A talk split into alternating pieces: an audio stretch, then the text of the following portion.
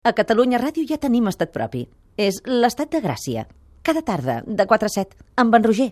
De Gràcia, és clar. Doncs si no. Ciutadans de l'estat de Gràcia. Ha arribat l'hora dels singles. Eh? No són els singles de Bertí, ni els singles que diuen que no busquen parella, però que sí que en busquen. Oh! Són els singles de la música, que amaguen històries que no sospitàvem, o potser sí. Obriu bé les orelles per rebre el nostre secretari d'Afers Musicals, Pep Blai. What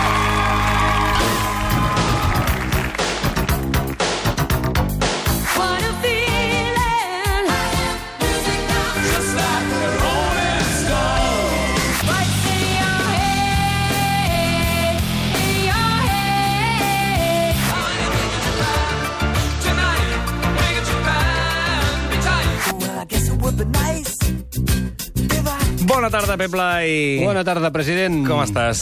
En estat de gràcia, jo com sempre que vinc aquí, i molt romàntic avui. Ai, sí, sí, t'he vist una miradeta als ulls una mica... Una mica tonto.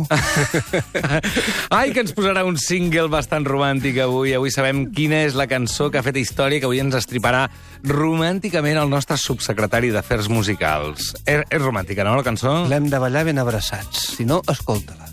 If I should stay,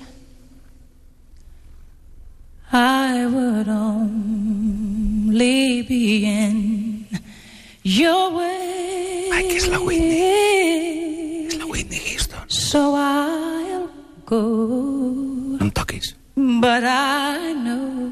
Va, aparta't. I'll think of you every step of the way. Ai, que és maca, aquesta cançó. Jo la trobo preciosa. Jo la trobo un pastel. és molt sucre, però és un sucre que entra molt bé perquè canta tan bé.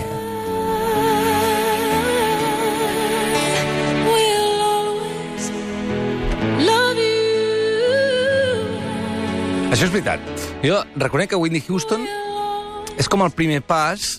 Eh, ara, ara fan molts... Ah, molt de virtuosisme a l'hora de cantar. I Whitney Houston encara estava en aquest pas previ que encara era cantar bé, però no demostrar a cada nota que eres millor que les altres, no? Correcte, perquè a més a més en el seu moment potser era la que més destacava.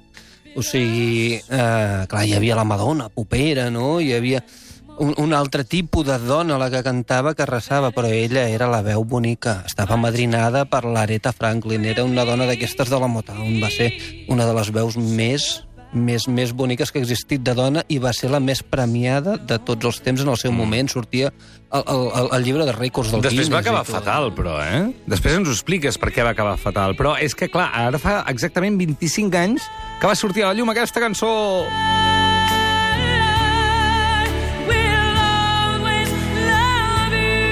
No feu la postura del Titanic, que aquesta és una altra, eh? Bueno, Per però favor. va, va per aquí tot plegat. Va ser la reina del pop o gairebé va ser la reina del pop? Gairebé apuntava maneres i va treure un disc al 85 a Whitney Houston que era sensacional. El que passa que en el moment en què eh, semblava que havia d'anar bé, la relació amb la parella Bobby Brown. Eh, va començar a anar fatal, la va tornar de camí d'on havien sortit, diguéssim, del barri, del món de les drogues, d'un món molt, molt, molt fos, fins i tot de maltractaments, i aleshores eh, no va arribar on tothom pensava que És a dir, va sortir del no-res, va arribar fins a dalt de tot i va tornar a caure. Correcte. No en el no-res, però sí en un altre no, no va no-res. acabar de rematar mai, diguéssim, no? Mhm. És, a veure, va rematar amb aquesta cançó, que és la cançó del guardaespatlles, no? Va, centrem-nos en aquesta cançó, aquesta cançó del guardaespatlles. Quina història té al darrere, exactament? Una història de gent pensant molt en una cançó, intentant fer un single brutal, eh, cinc o sis artistes, sis eh, autors o autores, o no? No, no, no, no, no. La història és molt senzilla. Resulta que hi havia un productor que per la pel·lícula I Will Always Love You buscava una cançó Mm. que encaixés i que demostrés el moment més romàntic de la relació de parella entre la Whitney Houston i el Kevin Costner, que eren els dos protagonistes en Sí, aquell moment. ella era una cantant famosa que contracta un guardaespatlles perquè rep trucades anònimes i s'acaba enamorant del guardaespatlles. M'estàs dient, llavors, qui, qui, de la cançó d'on surt? La cançó surt de que el, el, el productor de la... De, bueno, havien decidit que hi hauria una cançó que es deia What Becomes of the Broken Hearted, que era una balada de Jimmy Ruffin, i resulta que quan l'anaven a gravar es van trobar que ja l'havien utilitzat per una altra pel·lícula, que era la que es va dir després Tomàquets verds fregits. Uh -huh. Llavors havien de buscar una alternativa i era gairebé d'un dia a l'altre perquè se'ls havia passat per alt aquesta història. I aleshores mmm, la Whitney Houston no era fàcil, no era fàcil. I la Whitney Houston va dir, doncs, no sé, la primera que trobem que reflecteixi això, jo te la compro i la interpreto. I el Kevin Costner li va dir allí, bueno, un de, entre el rodatge i tot això, jo tinc una cançó de la Linda Ronstadt que a mi m'agrada molt. I si vols escoltar-la, i li va passar aquesta cançó de la Linda Ronstadt.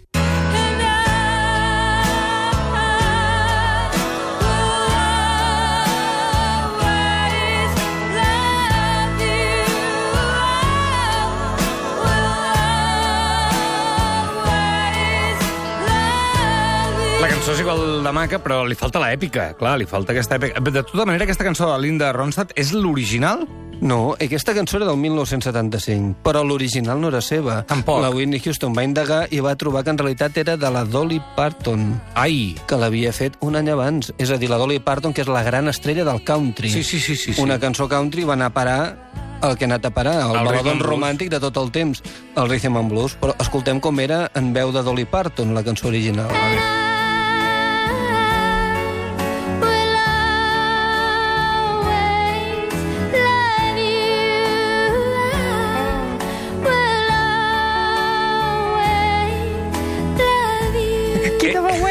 Al costat de la Whitney Houston, no? Sí, Déu-n'hi-do. Ja m'imagino els caps de, camps de blat de moro, el porxo, la limonada, eh? i cantant Jo- aquesta cançó.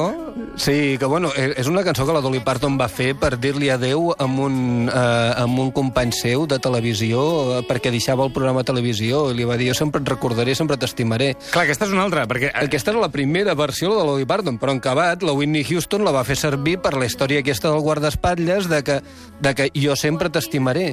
Però, però, la lletra no diu això. però la lletra no diu això. Una cosa és la tornada i l'altra és la lletra. És a dir, eh, m'estàs dient que en els casaments la gent ha estat posant-se aquesta cançó pensant Correcte. que Aquí és on volia ens anar a parar. estimaríem tota la vida i és una cançó de desamor? És, és que ens faríem creus perquè I Will Always Love You ha estat durant més d'una dècada la cançó capdavantera en tots els rànquings i top de cançons utilitzades pel casament. Ah, sí? Perquè les parelles s'abracen en aquell moment en què canta Jo sempre t'estimaré. Però clar, com que segueixen ballant també l'estrofa ben abraçadets, i llavors ens trobem que diu una cosa com aquesta. Ai, espera, espera. Eh, aviam, digue-m'ho bé, això, eh? Si hagués de quedar-me, només seria una molèstia. Per tant, me n'aniré. Per favor, no ploris. Tots dos sabem que no sóc jo el que tu necessites. Espero que la vida et tracti bé. Però per damunt de tot, jo sempre t'estimaré.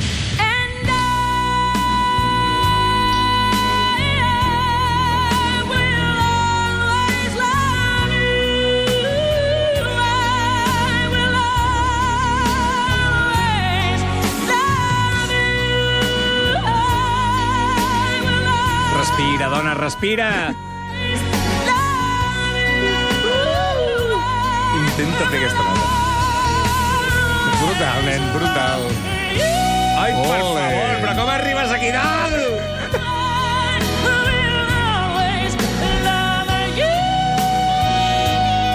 I ara posa, posa la de la Dolly Parton, a veure si la tens per aquí per fer la comparació un moment. La...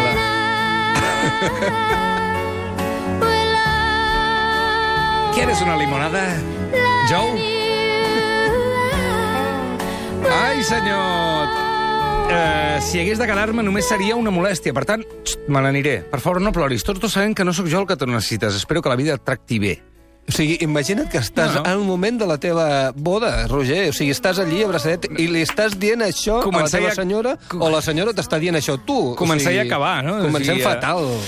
Clar, però és aquesta cosa de que la cançó diu una cosa amb la música i amb la lletra en diu una altra. No ho sé, és que és, és, és Jo- un jo- jo- pastel. jo és un recomano pastel, que la però és gent- un pastís bo. Jo recomano a la gent que quan compro. s'acasi que miri bé les lletres de les cançons i que triï ben bé, perquè a vegades hi ha molta trampa, perquè d'un vers O sigui, et pot arruïnar la vida, tot això.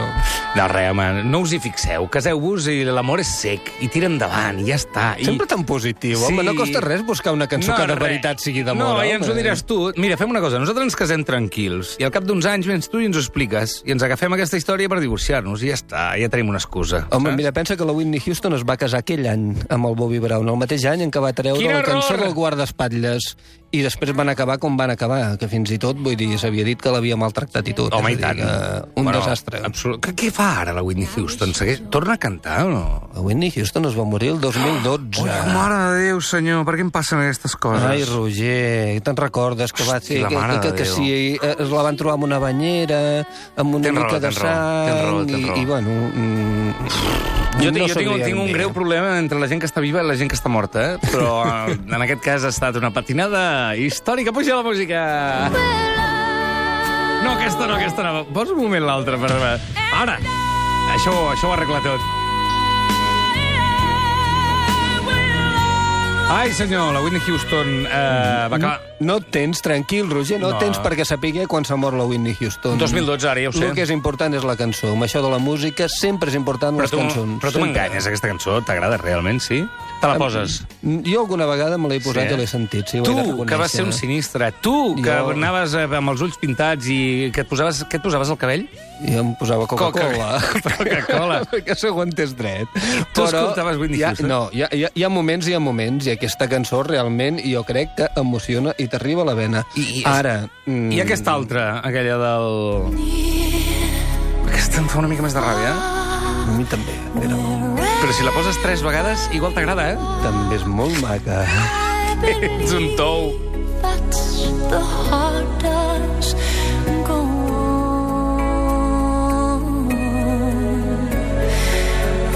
d'aquí a que cridi tenim temps. O sigui, quan vegis que va pujant, llavors jo faré el senyal de que pugi la música, però mentrestant explica'ns d'on neix aquesta història, aquesta cançó. L'interessant és que d'entrada va ser la, la primera que va començar a desbancar el well, I Will Always Love You de la Whitney Houston en el, eh, en, en el rànquing de, de bodes, casaments Ah, i sí? de balades romàntiques. Va ser la primera que la va treure-li quita. Això és veritat, eh? Número sobre Això, la taula, eh? número sobre la taula, que ara aquí sobre la taula aquesta no, No, els tinc, però no, però la de casa teva. I, I és tal qual. Aleshores, aquesta cançó té un origen molt bonic, i és que Will Jennings, que és la persona que feia s'encarregava de la banda sonora de la pel·lícula de Titanic, Sí. eh, eh, amb ell realment, més que els personatges del DiCaprio, de la Kate Winslet, el que li atraïa era una senyora vella, la, la, la Rose Dewin, no? aquell personatge de la balleta.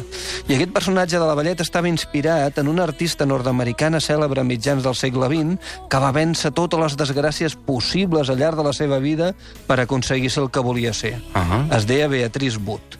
I aquesta balleta, el Jennings la va conèixer un dia i li va donar la mà amb tanta força i amb tanta energia que mentre l'estrenyia li va dir la meva mà potser s'aturarà algun dia, però el meu cor seguirà bategant per molt de temps. En anglès, My Heart Will Go, go On.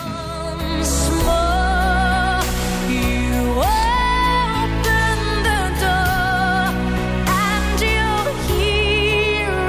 my Perdona, Pep, i es pot saber quants anys tenia la senyora Wood quan va estrenyar la mà de Jennings? Perquè, clar, si va ser famosa a mitjans del segle XX, estem parlant d'una persona de... En el seu moment era de 101 anys. Quan li va donar la mà tenia 101 anys. déu nhi Per tant, podem dir que aquesta balada d'amor de la cançó del Titanic està inspirat en l'amor a una persona de 101 anys.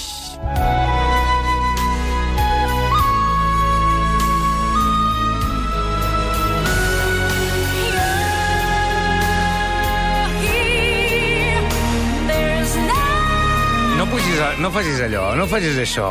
Que això ho fa... Ho fa... No ho faci. Respira, respira. Està fent allò del Leonardo DiCaprio. Qui estava al... da- Ell estava al davant i ell al darrere, oi? No, ella al davant i ell al darrere? Sí, exacte, bueno, no, no me'n recordo gaire. El que sí que està clar és que també et diré una cosa. Les històries d'amor són molt boniques, però en aquella tros de fusta, ell també hi cabia. M'entens, Kate Winslet? Ostres, Hi havia espai pel Leonardo allà. te veig molt afectat, Per Roger. favor, home, aparta una mica cap allà que hi cabem els dos. Molt d'amor, molta tonteria i mira. Ai, Pep Blai, eh, Hosti, tens un somriure, quedat un somriure de tot tu, eh? Estic enamorat, avui em sento més enamorat que mai. Veus, hi ha dies ja ho i dies. estic sempre, eh, de la meva parella, però bueno, avui és d'allò, allò m'he aixecat al matí i li hagués donat 2.000 petons més dels que els hi dono normalment. Molt bé, doncs escolta, fes-li ara quan arribis. Gràcies, anava a dir de part teva, però lleig. Adéu, Peplai. Adéu. Estat de gràcia. L'estat del benestar garantit.